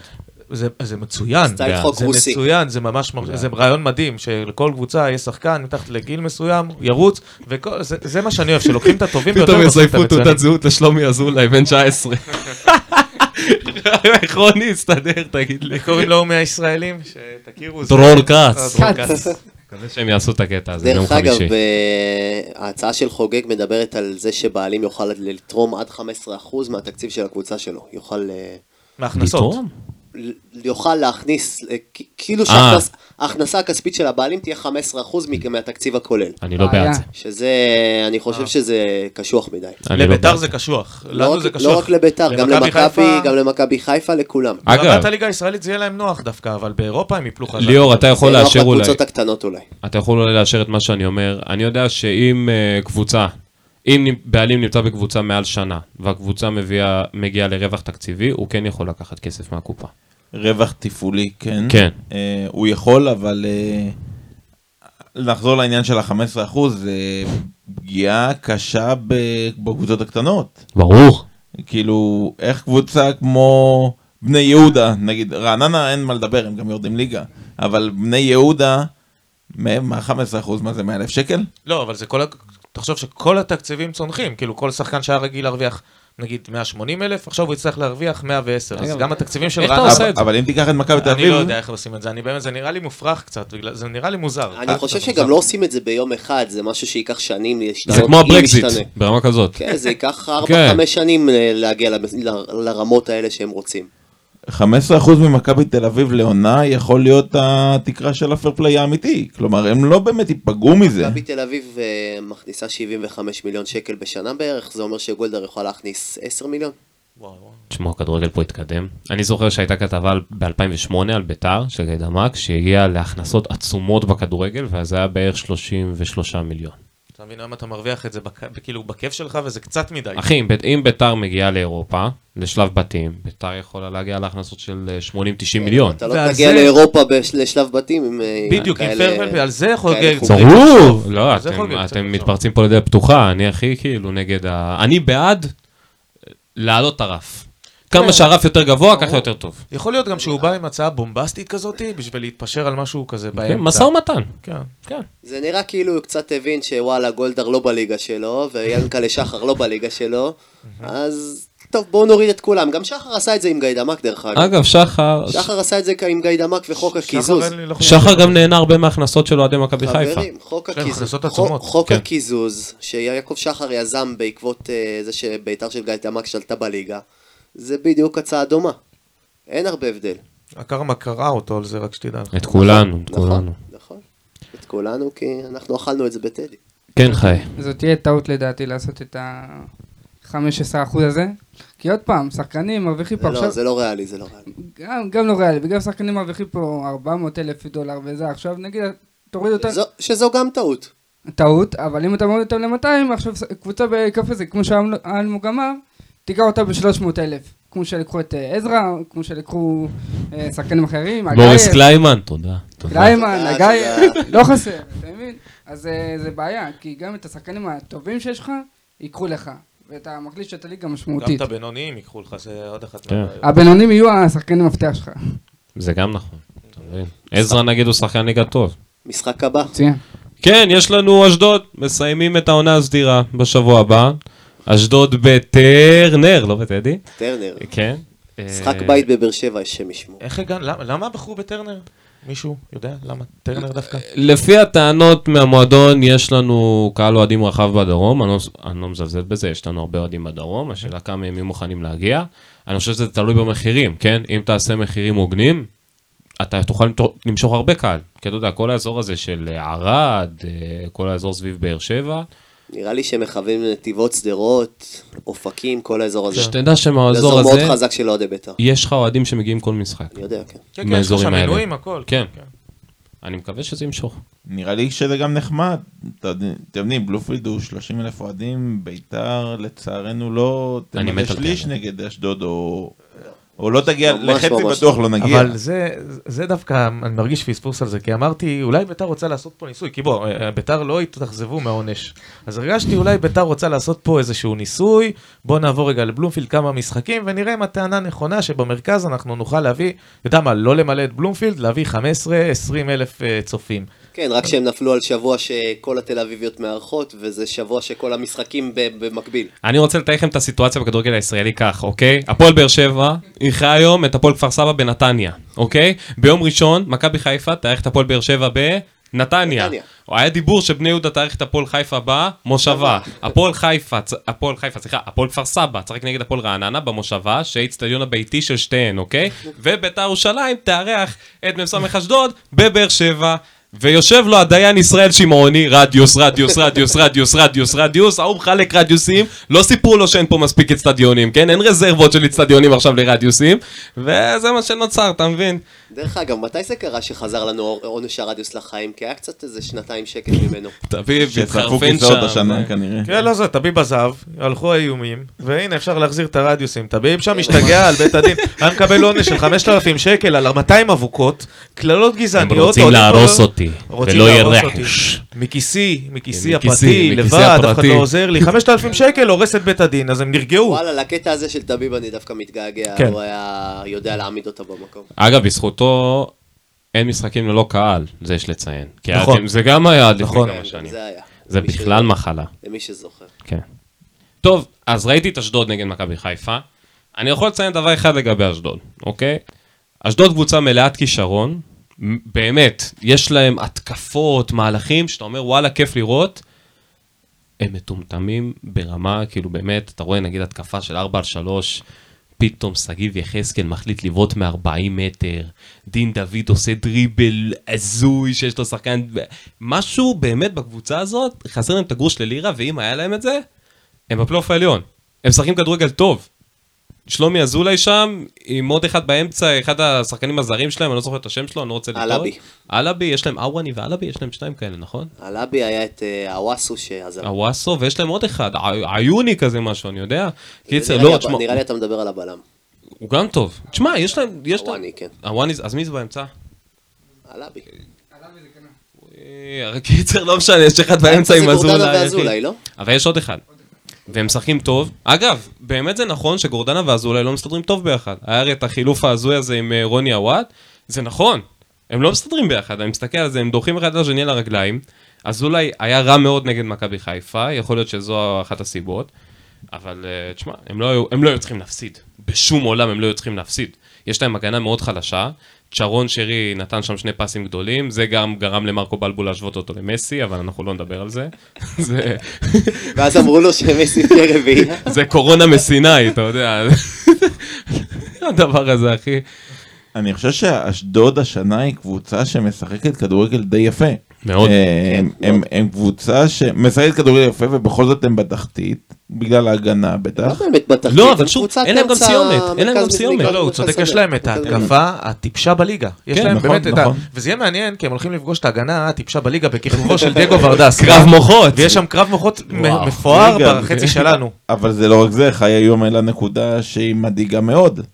קוסטה וקונטה, ואיך שזה נראה, מוצבים למשחק. זה לא מוכ- יש באתר ההתאחדות אה, דוח הרחקות אוטומטי, שניהם קיבלו צהוב אה, מספר 200 בערך של ביתר כן. העונה. אה, גם ורדסקה קיבל צהוב, הוא לא ישחק נגד מכבי פתח תקווה בגביע, צהוב תשיעי. קינדה אגב גם התחיל לקבל צהובים בקנזס, זה נרשם לחובת ביתר. מה נעשה במשחק הזה? זה אומר שקודם כל בן חיים או זהבי הוא חוזרים כשיר כבר, להרכב. בן חיים, נגמר הוא היה הסיפור? בספסל, כן, הוא היה בספסל כן, נגד... וזה אבי זה. מה? כי הוא גם נפצע. אבל אתם יודעים גם מה זה אומר כנראה, שתמיר עדי אולי ימשיך בהרכב עוד שבוע, כי מי שיוסט כנראה לעמדת המגן הימני זה קריאף אופיר, לא? הכי מתאים. הגיוני. אגב, קריאף שהוא זריק מגן ימני הוא היה טוב. הוא היה בסדר, כן, בתקופת השריף. בתקופת הוא הוא שיחק שמאלי אה, גם במכבי חיפה וגם בביתר לאיזה שני משחקים. הוא היה בסדר. השני המשחקים הכי טובים שלו בקריירה. כן, משהו הזוי. לא, האמת המשחק הכי טוב שלו בקריירה היה. לפני חיפה, אחי. האמת שגם נגד הפועל הוא לא היה רע. אני חייב לציין, הוא לא היה רע. אה, הוא לא היה, לא, הוא לא היה הוא לא היה רע, לא היה הוא רע. לא היה רע. הוא לא היה רע. הוא היה חלק מקישור אה, גרוע מאוד. אני לא חושב שאלי היה יותר טוב ממנו. אני חושב שהוא לא היה רע כי הפועל לא עברו את החצי. יכול להיות, סבבה, הוא לא היה רע. סיבה טובה, כן, אבל- אבל... כן, בכל מקרה הוא אמור להיות המגן הימני שלנו למשחק הזה. אני לא, לא כל כך חושש, אני אגיד לך את האמת, כי קונטה, כמו שאמרתי, נראה לא טוב במשחקים האחרונים, אז אני לא חושב שטל בן חיים יהיה כל כך יותר גרוע ממנו בתור בלם, אם יהיה יותר גרוע בכלל. וקוסטנטין, יהיה קשה מאוד גם לקריאף להתעלות עליו מבחינת הנוראיות של המשחק שלו בחודש האחרון. די, וואו, לא, לא, תשמע, לא. קוסטנטין בחודש האחרון, באמת, אני אוהב את הילד הזה. הוא מאכזב אותך פשוט, אני לא חושב שהוא... הוא- יש לו כדורים לא רעים מדי פעם, לא, הוא מאוד. מוכשר, הוא מאוד, יש לו גם קרוסים לא, לא, טובים גם מדי פעם, האחרון. מדי פעם, הוא לא טוב, אחי, לא לא, טוב, הוא בכללי לא טוב, זה טוב לא שהוא יישב. בחוץ, זה טוב שהוא יישב בחוץ איזה משחק אחד, זה טוב. אה, תשמעו, זה משחק חשוב, כי אנחנו רוצים להיכנס לפלייאוף העליון במקום שלישי, באר שבע אחרינו, הם אומנם יפגשו את חיפה בחוץ, משחק שסבירות די טובה שהם יאבדו נקודות, אה, אבל יהיה לנו קשה, כי אשדוד גם, הם מסוג הקבוצות שמקשות על בית"ר. אתה יודע, זה רבש, יוהו, חזרתי, רבש. חזר, אה, כן. הוא ינסה להתגונן, לצאת למתפרצות, ויש להם מתפרצות טובות, וביתר נגד מתפרצות זה לאבד את הראש. אה, תקציר אה, הפועל באר שבע עוד מעט יעלה ל- ליוטיוב, שיר בדיוק מעלה אותו, בינתיים אנחנו נמשיך לדבר. גם דברים כאלה קורים בהקלטה live. אנחנו כן, מקליטים live, כן? לגמרי. אז אה, כן, לא, ממש. אין לנו עריכות, אין לנו כלום. ליגת הבורסה לניירות ערך. לדעתי, קודם כל, לא קריאף יפתח כמגן, אלא מגבו יפתח שמאל ומקסימום ימין. לדעתי, זה- זה מה שיהיה. אוי ואבוי. זה הגנה, עם- טבח והגנה זה קצת אה, מול המהירות שלהם, זה לא יהיה גם נעים. עם רמוס בהגנה זה מלחיץ, אתה אומר לי טבח? מה כמו וגר? בכל מקרה, אה, הקישור שלהם אה, כנראה יהיה עם גורדנה ואזולאי, שהם אה, כאילו שני שחקנים מאוד יצירתיים ובמיוחד התקפית, אבל הם קי- קישור רך, ואנחנו צריכים להשתלט על האמצע. צריך מאוד להיזהר מה- מהמהירות שלהם. אה, דין דוד, שבזמן האחרון גם מפציץ אה, מספרים, בישולים, גולים. אה, שגיב יחזקאל, שהוא מאוד מסוכן. אלאבי, שאתמול כמעט בדקה 92 הביא פצצה כמעט ישבה נגד חיפה. הם שיחקו מצוין אתמול, ויהיה לנו מאוד קשה. ו... אבל מה שכן, יש להם הגנה מאוד חלשה. ואני מצפה שנבקיע לפחות שניים, ונהיה חייבים להיזהר בהגנה, כי אנחנו... ההתקפה שלהם מאוד מסוכנת. לנקודה על מגבו, הבעיה שלי עם זה הוא מגן. נכון, הטייטל שלו זה מגן, אז טבעי שמגן ישחק כמגן. אבל ברגל שמאל הוא לא ידע להרים, אז נשלח אותו להרים ברגל ימין. אמ, ואתם יודעים שאני לא ממעריציו של עופרי קריאף.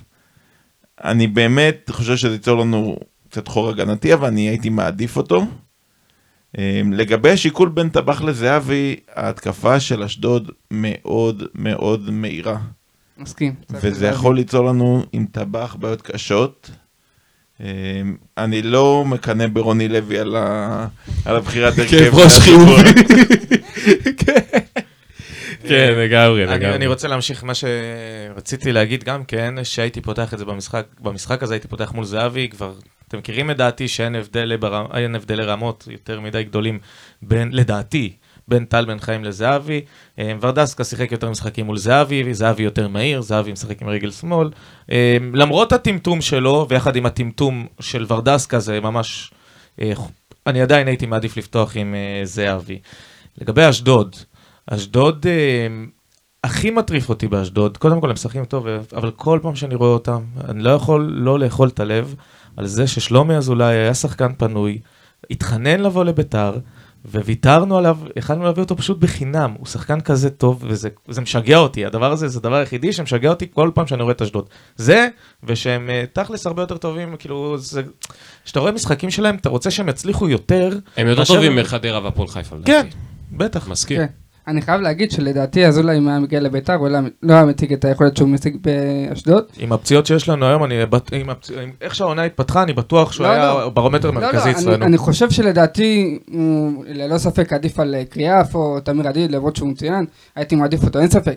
אני אומר שאזולאי בעונה מצוינת, הרבה בגלל שהוא בא לבית שם, הוא, הוא הכל יכול, הוא משחק אה, כשלישי, הק- הקשר השלישי בהתקפה, יש לו חופש פעולה, יש לו, יש לו הכל, הוא, הוא כאילו, הוא עושה מה שבא לו. בביתר, הוא היה כנראה שחקן ספסל, הוא עוד פעם היה אה, מתנדנד בין ספסל להרכב, אתה מבין מה אני מתכוון? הוא לא, הוא לא היה מרגיש שהוא בשליטה כמו ב, באשדוד. אני חושב שאחרי שאוחנה נפצע וקינדה עזב, הוא היה נכנס, אה, פשוט לא, אם הוא היה נמצא, לא היו צריכים להביא נגיד את ממן. שאגב ממן, הוא נכנס אה, לא רע לתפקיד שלו בעיניי. אה, במשחק הראשון הוא היה חלש, משחק שני סביר, חלש, אבל אה, לא, אבל הכדור שהוא נתן שם לוורד, זה, אבל זה המשחק זה- השלישי, משחק שני נגד הפועל תל אביב, היה לא טוב. כן. כן. הוא היה בשני המשחקים, היה- הכניסה של ורד והשטחים עוררו אותו. אני, אני לא מעריץ גדול של חנן ממן, אבל יש נשק שלו שהכניסות מקו שני, מאוד. הוא מהמובילים בארץ בזה, וזה הנשק הכי חזק שלו, והוא לא עושה את עוד זה לא רואים מספיק. את זה, אנחנו עוד לא רואים את זה בביתר.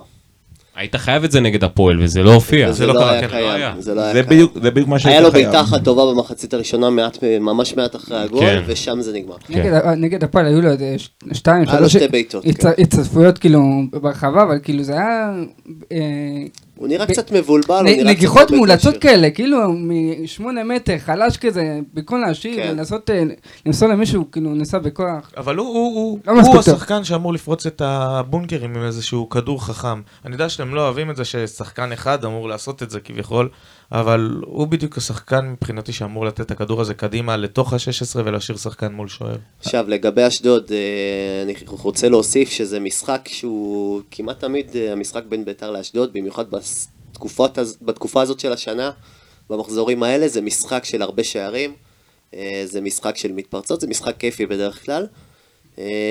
אני מצפה למשהו כמו 2-2-3-3 עם הגנות פרוצות ו... ו... שכונה. הרבה, הרבה שכונה, הרבה כדורגל כיפי וקצת עצבים בסוף הזה שלא ננצח לצערי. או, איך איבדת האופטימיות ברגע. בטח. ההוא הימר פה אחד, ביתר, כן, ביתר, זה- כל המשחקים האחרונים. תיקו, תיקו. חברים, תיקו. תן לו קצת. אה, אתם רוצים לדבר רגע על הגישה שלנו בבית הדין לקראת המשחק הזה, שקיבלנו רדיוס ויצאנו בתופים במחולות מבית הדין קצת? אני לא יודע אם אה, ביתר הגיבה ככה כדי להגיד לאוהדים, זה מה יש, כאילו סוג של, לצ... כאילו, אתה יודע, להחזיר לנו על זה שאנחנו מאכזבים את המועדון, או שהם הגיבו ככה כי הם באמת מרוצים. אני באמת, זה מוזר לי לגמרי שכאילו קיבלנו שתי רדיוסים על עבירה מגוחכת, והמועדון אומר, אה, בסדר גמור, אנחנו מצטערים, נמשיך כך, נמשיך כאילו, נתקן לאבא. נו, בחייאת, זה גם לא, מילא זה היה עובד מול הבית הדין. אתה אומר את זה לדיין, הדיין מחזיר, אה, כן, הנה, הם הודו, זה בכלל, שיחקתי אותה. הזוי. מחלק שלושה רדיוסים בארוחת בוקר. מה, ש- תרחם שם, עלינו. הוא שמע את התגובה הזאת, הוא- עד עכשיו הוא בהלם שהוא לא נתן חמישה רדיוסים. אני חושב שחוגג חוגג את הרדיוס. אה, הוא היה. מאוד מאוד מרוצה. עוד שנייה הוא ערער וביקש שלושה רדיוסים. אבל בוא נראה, זה- שמע, יהיה מבחן של כמה קהל יגיע. אם הקהל גם לא יגיע פה, יבינו שכל הדיבור הזה על חוץ אני ולטדי לא לא חושב שזה רלוונטי. מבחן, אולי משחק הגביע הוא יותר מבחן מאשר אה, אשדוד בשבת. יכול להיות. אני רק רוצה להתייחס גם למשהו אחר. בראשון. אתם שמעתם למה חיפה קיבלו רדיוס אחד ולא שניים? למה? כי לפי הדיין, פלומיין התגרה בקהל של חיפה, זה בסדר שהם עשו לו הו הו הו. שמע, זה בושה. הגיוני. זה תגיד. לי, מה, כאילו זה עובר חלק, כאילו זה, זה, זה זה לא, בושה. זה הזוי. אני זה- רוצה לראות אם בתקופה שאחמד עבד אה, השתחווה מול המערבי וקיבל את הקללות, היו אומרים, לא, לא, עבד התריס, אז אנחנו לא... שמע, זה בושה וחרפה. גם אם הדיין היה אומר את זה, בערוץ 2 היו מדברים על הגזענות ב- בבית הדין של ההתאחדות לכדורגל. מה זה, איך הזוי. כאילו הולך... אגב, אחמד עבד קיבלנו על זה, אם אני לא טועה, שני ארבעה רדיוסים. שני רדיוסים וחמישה משחקים של סגירת היציא המזרחי. אבל וזה זה היה אוהד אחד. וזה היה אוהד. אחד. זה היה אוהד אחד, כן? לא, לא, דין לא. לביתר זה היה ודין לא, לא, היציא חברים, מה המזרחי? היציא זוכר. המזרחי. לא, לא, לא, לא. שהבקיע את הגול לא. הדרדלה הזה מ... אני כל המזרחי צעקו לו, אני לא רוצה לחזור על זה. מה, מחבל? כן, הוא- שהוא הבקיע איזה דרדלה לקליימן, בעט לו כן, מ-30 מטר, קודם כל, אומר לך. את האמת, נכנס? אני לא מתייפייף, בושה שמעמידים לדין על זה, לדעתי לפחות. שלא אוקיי? מעמידים או ש- לא, שמעמידים לדין על מחבל, לפחות דעתי, אוקיי? לא. לדעתי זה על הגבול הדק בין התרסה לבין זה, אבל לפחות דעתי, אני חושב שמנסים יותר מדי לחנך פה, בסדר? מנסים יותר מדי לחנך פה, אני לא חושב שזה גזענות פרופר. עזוב, בוא... כן, זה- אבל לא ניכנס זה החוק, לעניינים זה האלה. החוק כן. ו- וזה... לא, לא לפגוע בקבוצה. בואו לא נעבור לפגוע. להימורים. בדיוק. טוב, אה, אני רוצה קודם כל להמר על הדרבי מחר. זה הימור בונוס, אוקיי? הימור בונוס. ואני רוצה שנהמר תוצאה מדויקת, כי יש לי תוצאה בראש, אם אני מביא אותה, אני מלך. אז אולי תתחיל, כי... תתחיל. אני אומר מכבי 4-0. בום בום. 5-0. או, אה? או, אחי. אחד אחד. אה, אחד. אחד, מגעיל, קלינגרי כזה. 0-0 בונקר על. 2-0 מאוד משמח. אמ, אור, 1-0 זה התוצאה שרצית לה- להגיד? הוא אמר ארבע. ארבע. 4-0? ארבע, מה יש לך? חי אמר חמש, חי הפליג קצת, כן? סליחה, סליחה. אה, אני חושב שהפועל... קלינגר הוא מסוג המאמנים שבאופוריה, כן? אני כן, בטוח הוא- שהוא... אני לא באופוריה, והוא הולך כמו טווס, אחי, עכשיו, אחרי שהוא גנב ניצחון בטדי. אחי, מכבי זה לא בית"ר, בוא, נגדנו לא שורקים לפנדל על שטויות, ומכבי איביץ' יבוא לאכול אותו, אחי, בלי מלח, כן. בסדר? איביץ' בא, לא יודע אם ראיתם את זה היום, איזה כתב אה, שאל במסיבת עיתונאים את גלאזר, אומרים גורמים בחיפה, ביתר ובאר שבע, שאתם קבוצה של העבר. לא יודע מאיפה הוא הנפיץ את זה, כן? אומרים שאתם קבוצה של העבר, מה יש לך להגיד על זה? איביץ' תרגמו לזה, הוא צחק. כאילו, אשכרה צחק. הבן אדם, לא אכפת לו מאף אחד פה, כן? הוא בא לדרוס, הוא בא והוא יבוא מחר להוכיח, כאילו, זה דווקא מהשאלות נראה לי שמדרבנות אותו, כל הדברים האלה. לא, האמת זו שאלה מצחיקה, ככה, זה מה ששאלו אותו, אמרו, כאילו, אמרו לו, גורמים אני בזה. יכול של לשלוח לך את זה. מה, קבוצה- מה זה קבוצה שווה? אחי, מקום ראשון, הם לא הפסידו כל העונה, לשים נגדם גול זה שווה נקודה. מה זה השאלה אני הזאת? מאוד מאוד לא אוהב את הזלזול בהם, אני חושב שהם מאוד חזקים. במי? במכבי? מי. מזלזל איך בהם? אפשר המון לזלזל? מזלזלים. לא, לא, יש. הזוי, יש. זלזול במכבי, הזוי. גם בפרשני לא הספורט. יודע איך אפשר לזלזל גם בקבוצה אני לא שלא יודע. הפסידה פרשני שנתיים. הספורט שאומרים לרוני לוי אחרי התיקו אפס נגד מכבי שהוא המאמן הכי טוב בארץ. ו- אבל מכבי לא קבוצה דורסת. למרות התוצאה שלהם נגד ביתר, היא לא קבוצה דורסת. כמה ר- חילקו אה, כמה רביעיות. השנה. כן, מול מי? לא, לא, לא משנה, לא נדבר על זה. לדעתי, לדעתי הם כן ידרסו, כי ראינו נגד חיפה שלפועל יש אה, מנטליות מאוד חדשה. ברגע שהם יקבלו את הראשון, את השני, הם נגד יתפרקו. חיפה הפועל באו לשחק כדורגל, הם חשבו שהם ברמה של חיפה. זה- זה לא- אני לא חושב שהם באו לשחק כדורגל, אני חושב שפשוט גול דקה שנייה שבר להם את כל זה התוכניות. לא רק זה, זה מנטלי, זה הרבה מנטלי היה שם. מה פתוח יחסית. וגם אורל דגני לא תפס משחק של נסטה בשיאו. אורל גני בלם טוב. בניגוד למה שאחרים פה חושבים, לא ליאור, מחזיק ממנו בכלל, גם ליאור. הכל, הכל באופן יחסי, כן? בתקופה של בנאדו וגרשון הוא לא מקבל הרכב בהכוח עמידר, כן? אבל... אבל זה אה, עוד שחקן אה, סתום. אני סליחה, כן? אני מעדיף את זהבי, להיות אמיתי. לא, לא. ערן, לא, כן, גם אני מעדיף את ערן זהבי בתור בלם, אתה יודע, זה בלם שהוא שחקן קלאץ', אבל לא, לא יודע. הייתי שמח. לא, יש- האמת, יש את, נגיד, את עידו לוי שהזכירו יותר טוב מדגני, גם זה נגיד, אני חושב. אין? כמעט הבדלים בעיניי בין כל הבלמים האלה. חילה, מעדיף על דגני. מה עם קחילה היום? לקחו לנו אותו ב-100 אלף דולר! היה שורף? ירושלים! טוב, אה, נגיע להימו- אה, להימורים. בני יהודה, מערכת את הפועל חיפה, קרב על הפלייאוף העליון, בני יהודה ניצחו היום את אה, הפועל רעננה, השאיר. להם סיכוי, כן. אה, מה אתם אפשר אומרים? ששתיהם לא יעלו? אני בעד שהפועל חיפה תעלה, אני בעד ששתיהם לא יעלו, אבל... אה, כיוון השעון. איפה. המשחק? בבני יהודה. בבני יהודה. טוב, זה לא צריך, באמת- אה, זה לא באמת מה משמעותי. צריך לקרות כדי שהם אה, יעלו? אני הולך על בני יהודה תיקו. מפסידים, לא עולים. אני הולך על תיקו. אתה הולך על תיקו? אוקיי. אלמוג. כן, גם אני הולך על איקס פה. אני הולך על הפועל חיפה. ומוציא את בני יהודה מהפלייאוף העליון. אני אומר תיקו. ואני אומר בני יהודה. כפר סבא נגד הפועל רעננה. אנדר עובר צופים. 323. האמת שלדעתי יהיה יותר, כי כפר סבא אוהדיה יבואו, אז יהיה 400. אבל... אה, אז אוהדיה גם יראו כן. ניצחון אחד. תשמע, זה, זה מסוג המשחקים שלא צריכים אצטדיון, בוא. אפשר כאילו מגרש אימונים כזה, זה קריית שלום. עמק הארזים כזה. כן, וואו, חמוד. טוב, מה אתה אומר, שיר? כפר סבא. רעננה.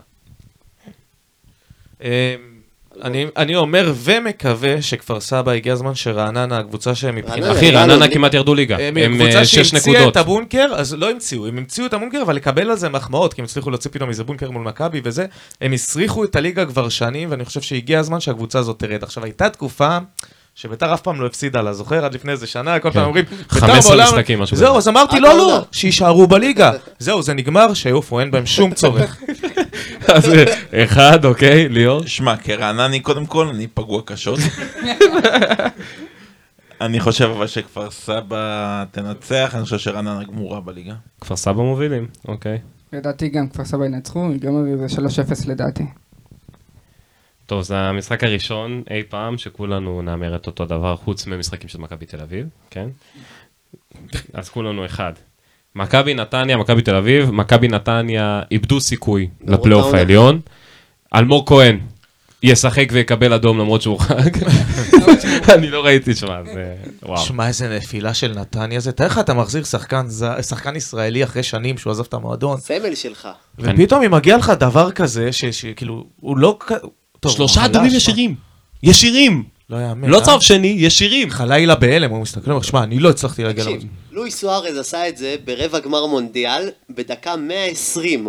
מה לעזאזל אתה עושה את זה בדקה שמינית במשחק ליגה? פשוט. לפחות נעשה איזה מספרת, לנגוח משהו, הולך עם היד, תגיד לי מה, ואתה יודע מה יפה, מתלוננים לשופט גם. הם כזה אומרים, תן להם את הגול. מה זה תן להם את הגול, יא אידיוט?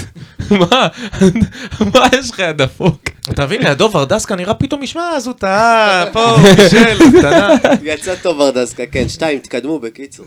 מה. שתיים תשאיר? כן, שתיים, שתיים כולם, לא? כן, יש פה מישהו שרוצה להיות מוזר? שתיים. גם מכבי, אגב, מכבי נגד נתניה זה תמיד איזה 4-1, זה באמת 5-0 למכבי. כן, כן. זה קל, זה קל. טוב, זה משחק אה, שאני מניח, שאני מניח שאני אהיה במיעוט. הפועל נגד חדרה. בבלומף. אני אלך על איקס, ממש איקס. אחד. אני גם הולך על איקס, ואני אפתיע אותך שאני גם נוטה לכיוון חדרה, ואני הולך על איקס. משחק קשה. זה משחק על העלייה לפלייאוף, דרך אגב. הפועל. באיקס הפועל עולים, נו. ב-X אה, הפועל עולים, לא בטוח, לא, לא, לא, לא. תלוי בבני יהודה וזה. תלוי ב... אני אגיד לך במי זה תלוי. תלוי בחדרה כמובן, לא, אבל לא. ותלוי בבני יהודה, כן. בעיקרון תלוי בבני יהודה. אני אומר חדרה, וואלה. כן. אני אומר חדרה. אגב, חדרה לתוכניות הבאות, אליאל פרץ, זה שם לדון בו. מצוין השחקן הזה. בסדר, נו, עזוב. הוא נרכש אבל עכשיו, נכון? הוא לא איזה מושל, הוא שחקן אני של חדרה, הכרטיס ל- שלהם, הכל. לצורך הזה, אני... הוא אמר את זה הרבה אני לפני אמרתי את. זה הרבה הרבה קודם. כן. אני גם הסכמתי, אבל הוא שחקן. הוא קשור לדור פרץ או ש... לא, לא, לא, לא, לא. סתם פרץ אחר ממכבי. כן. כן. נהיה ריבוי מרוקאים, ברוך השם. אני, זהו, אתה יודע, זה כמו הביטונים. של באר שבע. זהו, נהיה ריבוי. פרצים. במכבי וביטונים בבאר שבע. יופי, ורק טוב מאוד. בביתר מלא אשכנזים, אתה מבין? איפה הזהות? ומלא אוחנו. אה, נס ציונה קאש. אגב, פה פחות קהל מכפס רעננה. לא, לכפר סבא יש אה, יחסית לקבוצות כן. הפח אשפה, יש לי, סליחה, וואי, בסוף היא... יחסית ישו אותך, ישו אותך, כן, המינהלת תשע אותך מהפוד. לא, אנחנו פה אנרגטיים וכולי, כן. אז יוצא, אבל יחסית לקבוצות הפחות טובות של הליגה, אה, לכפר סבא יש אה, קהל אה, סביר. סביר, לא רע. אתה יודע, מקלל, צועק על השופט, יש לו אנרגיות קצת, אתה יודע, הוא חי, הוא חי. היה להם, היה להם פעם. קהל, הוא קצת נעלם עם השנים. טוב, אני מקווה שביתר הקטנה תנצח, אני אלך עם קריית שמונה. קטנה, וואו, המאוד מאוד קטנה. וואו. מה הקשר? ואני בעצם הוא מתכוון לנס ציונה? לא הבנתי, לא הבנתי מה. אגב, אני עדיין זוכר להם את הירושלים לא תרד. אני זוכר את שיר צדק, מחלק וואי, לנו והצמד פנדלים, גולים. מתנות. אגב, כן. פעם היו קוראים לבני יהודה ככה, אני לא יודע אם מישהו זוכר. אה, לבני- באמת? כן. ענק. אנחנו-. בבני יהודה מאוד דומים, מה יש לך? זה נגמר שהשכונה דומים הייתה. בקהלים וזה? לא, בקהלים אנחנו כן, דומים. אפילו שתי קבוצות, הראשי תיבות זה בית יהוד, אחי. תכלס. לא, לא חשבת על זה. אה, ליאור, נס ציונה קאש. אני הולך עם ביתר הקטנה. בוא נאמץ את זה שיר, מה אתה בחייאת, אומר? זה- זה יהיה לא. ביתר נס ציונה- נס ציונה תנצח, זה משחק הזדמנות אחרונה מבחינתה.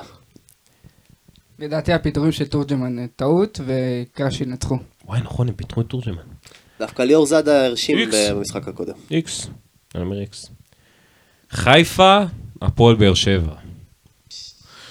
עכשיו יאללה. תזכרו רגע, יש שיש להם גביע. גביע, נכון? יש להם גביע שלושה ימים אחרי. זה מדהים, זה תמיד יוצא סמוך הדברים האלה, נכון? שמת לב, תמיד שיש איזה קבוצה, מכבי חיפה מול מכבי תל אביב, יבקשו, יפגשו, אה, יהיה מפגש בליגה, ואחר כך בגביע, כן. דברים כאלה. אז הנה, באר שבע. תשמע, אני רוצה לשמוע את ההימורים שלכם, ואז אני אעשה מהלך. מכבי. אני אתחיל. שיר יתחיל.